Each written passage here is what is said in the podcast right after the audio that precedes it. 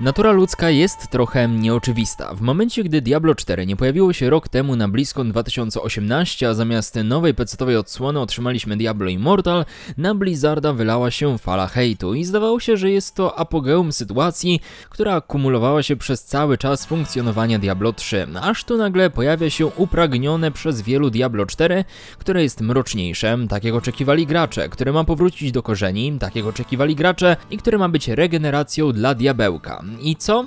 Zrobione na szybko, pod presją, ściągane od konkurencji. Generalnie po kilku minutach trailera i gameplay trailera ciężko wyciągnąć w ogóle jakiekolwiek wnioski, ciężko ocenić, więc może powstrzymajmy się od głosów krytyki i zwróćmy się w kierunku faktów, które zostały zarysowane, a te wyglądają naprawdę ciekawie. Czym będzie nowe Diablo 4 i czy rzeczywiście ma szansę wpompować świeżą krew w żyły piekieł? O tym w dzisiejszym materiale zapraszam do oglądania. Przy okazji pamiętajcie, żeby zostawić suba na kanale, jeżeli chcecie być na bieżąco z tego typu materiałami oraz różnymi innymi. Ruszajmy. Diablo było pierwszą grą zaprezentowaną podczas wczorajszej ceremonii otwarcia z wielu powodów. Pierwszym z pewnością był fakt, gdzie Blizzard chciał zwyczajnie zadowolić wygłodniałych fanów hack and slashy. Po drugie, BlizzCon wyraźnie miał zacząć się z pompą i co jak co, ale Diablo 4, spoglądając na cinematic, który był klimatyczny i mroczny, takie wrażenie wywarł na większości osób śledzących m.in. wczorajszego live'a. Dużo krwi, brutalnych scen, no i demonicznych akcentów zlepionych moim zdaniem ze smakiem. I być może wśród najbardziej zatwardziałych fanów opinie są podzielone, ale w moim odczuciu ogólnie to, co Blizzard pokazał, wcale nie było efekciarskie, a raczej przytłaczające i wiejące grozą, czyli takie, jakie być w teorii powinno, jeżeli chodzi o Diablo, prawda? Czyż więc nie udało się osiągnąć efektu? Udało się i mówcie co chcecie, ale jeżeli taki trailer Blizzarda jest stworzony na szybko, tak w obrębie Diablo, jak i kilku innych gier z tegorocznego BlizzConu, to nadal są to najlepsze pokazówki w branży, a tutaj mówimy o niemal 10 minutach historii opowiadanej w takowym projekcie.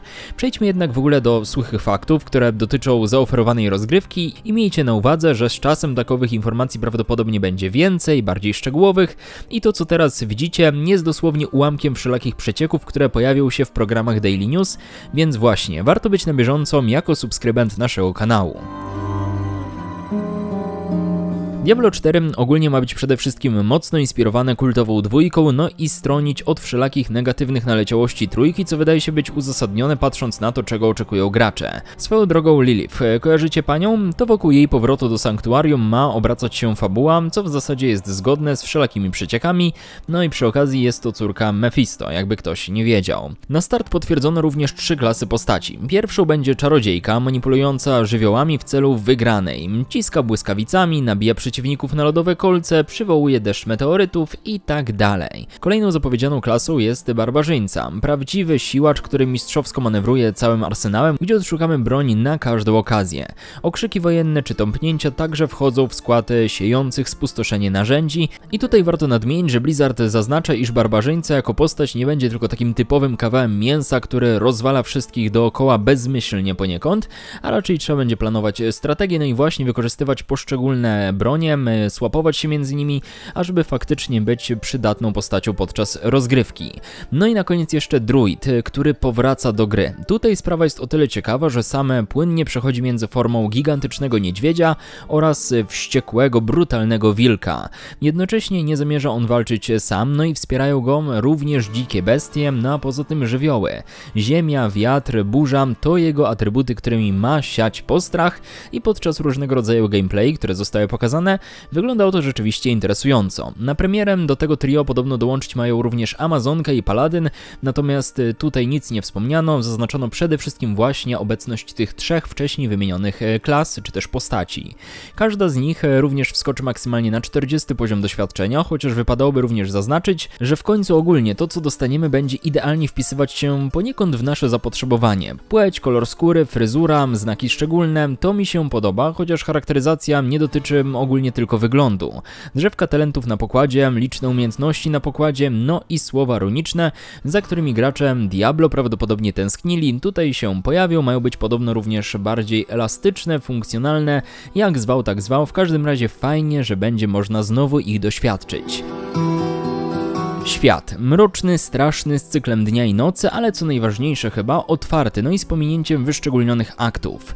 Na mapie znajdziemy miasta, oczywiście będą one pełnić rolę miejsc naczelnych, ale posłużą przede wszystkim również do spotkań, rozmowy, no i handlu z innymi graczami. Tutaj także zbierzemy się w grupę, aby następnie wyruszyć w poszukiwaniu przeciwników i wyzwań, natomiast to wcale nie oznacza, że wychodząc poza zarys miast nie spotkamy graczy. Wręcz przeciwnie, oni też będą obecni cały czas dookoła, będą bić sobie mopki, więc ogólnie ten system społecznościowy, e, możliwość spotykania innych playerów e, jest znacznie bardziej rozwinięta i to mi się podoba, Wam również w teorii powinno.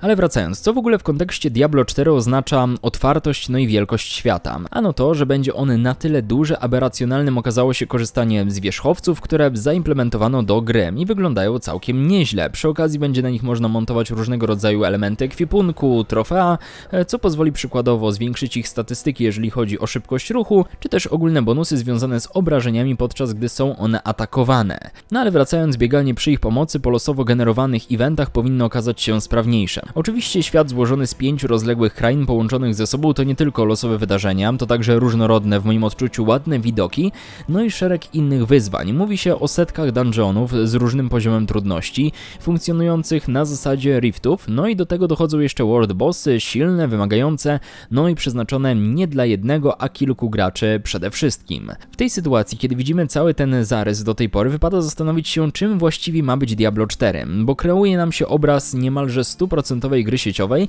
i rzeczywiście tak jest. Co prawda Blizzard nigdzie nie powiedział o MMO, ale mówimy zdecydowanie o sieciowym action RPG, który w każdym aspekcie będzie podkreślał, że liczy się zabawa grupowa, a solo, no tutaj cytując, to możemy pograć jak wybijemy wszystkich w regionach PvP. Taki właśnie akcent humorystyczny ze strony Został nam zaserwowany. Brzmi to jakby występowały w ogóle dwa rodzaje stref. Bezpieczne, przede wszystkim dla graczy PvE, no i te pozbawione jakichkolwiek zasad, aczkolwiek trzeba poczekać na rozwój tutejszych informacji, natomiast samo PvP wydaje się być tutaj znaczącym segmentem, który nie zostanie odepchnięty całkowicie na bok, chociaż i tak mam wrażenie, że fabuła prawdopodobnie będzie górą. Siłą rzeczy mówimy o hack and slashu, więc szukanie tutaj ambitnych, ultra ambitnych historii e, może nie być trafne, aczkolwiek trzymam kciuki. No ale już teraz wiemy, że przygoda ma być prowadzona nieliniowo. Poza głównym wątkiem będziemy w stanie zwieruszyć się w ciągu nieustających opcji pobocznych. Wszystko, co będzie działo się w przyszłości z Diablo 4 ma być z kolei rozwijane nie poprzez patche, tylko cykliczne dodatki zapewniające większą ilość kontentu. Z rzeczy, o których w ogóle nie wspomniałem, a wypada zaznaczyć. Tryb hardcore, żadnego offline'u, achievementy, no i podobno coś ala system housingu. Itemy na wierzchowcach, o tym akurat mówiłem, do tego duże ekwipunku, do słapowania, no i crafting, e, co także warto docenić. Mało powiedziałem w ogóle o samej oprawie audiowizualnej, a ta jest piękna i nie chodzi mi tylko o nowy silnik, o którym zaraz, ale również o interfejs. Podoba mi się jego przejrzystość, klarowność, to, że elementy nie są rozesłane po całym ekranie, natomiast skupiają się w dwóch głównych obszarach. To jest lewy, dolny róg, jeżeli mówimy o życiu, manie, no i przede wszystkim umiejętnościach, których też ilość jest ograniczona, natomiast e, drugi obszar to jest prawy górny róg, tam ląduje minimapka, no i siłą rzeczy również jakiś skromny quest log. Tak to wygląda, więc możemy w zasadzie cieszyć się tymi widokami, e, które są prezentowane podczas zabawy. No i teraz nowy silnik graficzny, który serwuje nam mnóstwo efektów. Może to nie jest poziom tych najlepszych produkcji AAA, ale z drugiej strony jest to hack and slash, rzut izometryczny, można pokusić się o trochę mniejszą szczegółowość. Podoba mi się w ogóle wielowymiarowość świata, góry, doliny, przesmyki, świetnie zaprezentowane warunki pogodowe krain, od śniegu przez mgłę. Brak kolorowych, pastelowych naleciałości, zamiast tego mroczny, ciężki klimat i chyba właśnie tego oczekiwali fani Diablo, prawda? Ciężko oczywiście oderwać się w 100% od tego, co znamy z poprzednich części, ale chodzi tutaj raczej o aspekt płynności w walce, no a co by nie mówić, ten akurat w Diablo 3 poniekąd był całkiem przyjemny, no i pozostawał główną kartą przetargową w walce z trochę drewnianą konkurencją. No i krew, tony krwi, na podłożu, na bohaterach, którzy pokrywają się tryskającą farbą podczas walki. Słuchajcie, szykuje się moim zdaniem naprawdę coś przyjemnego, a przynajmniej intrygującego. Ciężko jest w ogóle wystawić już teraz jakąś większą ocenę, e, póki w ogóle nie zagraliśmy. Patrząc na chłodno, Blizzard ma ambicje na lepszy wymiar hack and slashowej zabawy. No i będą starali się spełnić te założenia. Kiedy je spełnią? No sądząc po zapowiedzi, że gra pojawi się na PC, PlayStation 4 i Xbox One, wydaje się być logicznym, że powinno to być przed końcem 2020 roku, czyli przed premierą PlayStation 5. Z drugiej strony na panelu padły słowa, jakoby całość była jeszcze w bardzo wczesnym etapie produkcji produkcji. Stąd też e, oczywiście musimy się uzbroić w cierpliwość, no a sam e, deweloper stwierdził, że będzie to stosunkowo późno nawet jak na blizzardowe standardy, gdzie wiadomo, że musimy na jej gry przeważnie jeszcze trochę czekać.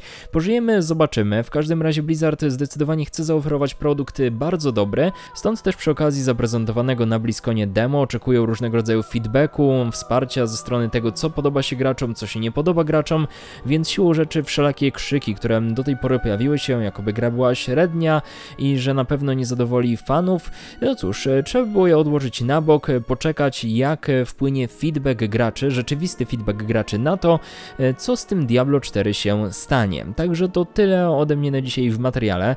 Wy koniecznie dajcie znać, jak zapatrujecie się na samą rozgrywkę na Diablo 4 w tym momencie i jakiej gry oczekiwalibyście finalnie podczas premiery. Wasze komentarze chętnie sobie poczytamy, porozmawiamy wspólnie z wami. Poza tym nie zapomnijcie polubić filmu, jeżeli wam się spodobał, no i subskrybować naszego kanału, żeby być na bieżąco z kolejnymi nowościami, również z Diablo, które z pewnością pojawią się w różnego rodzaju daily newsach. To tyle, cześć!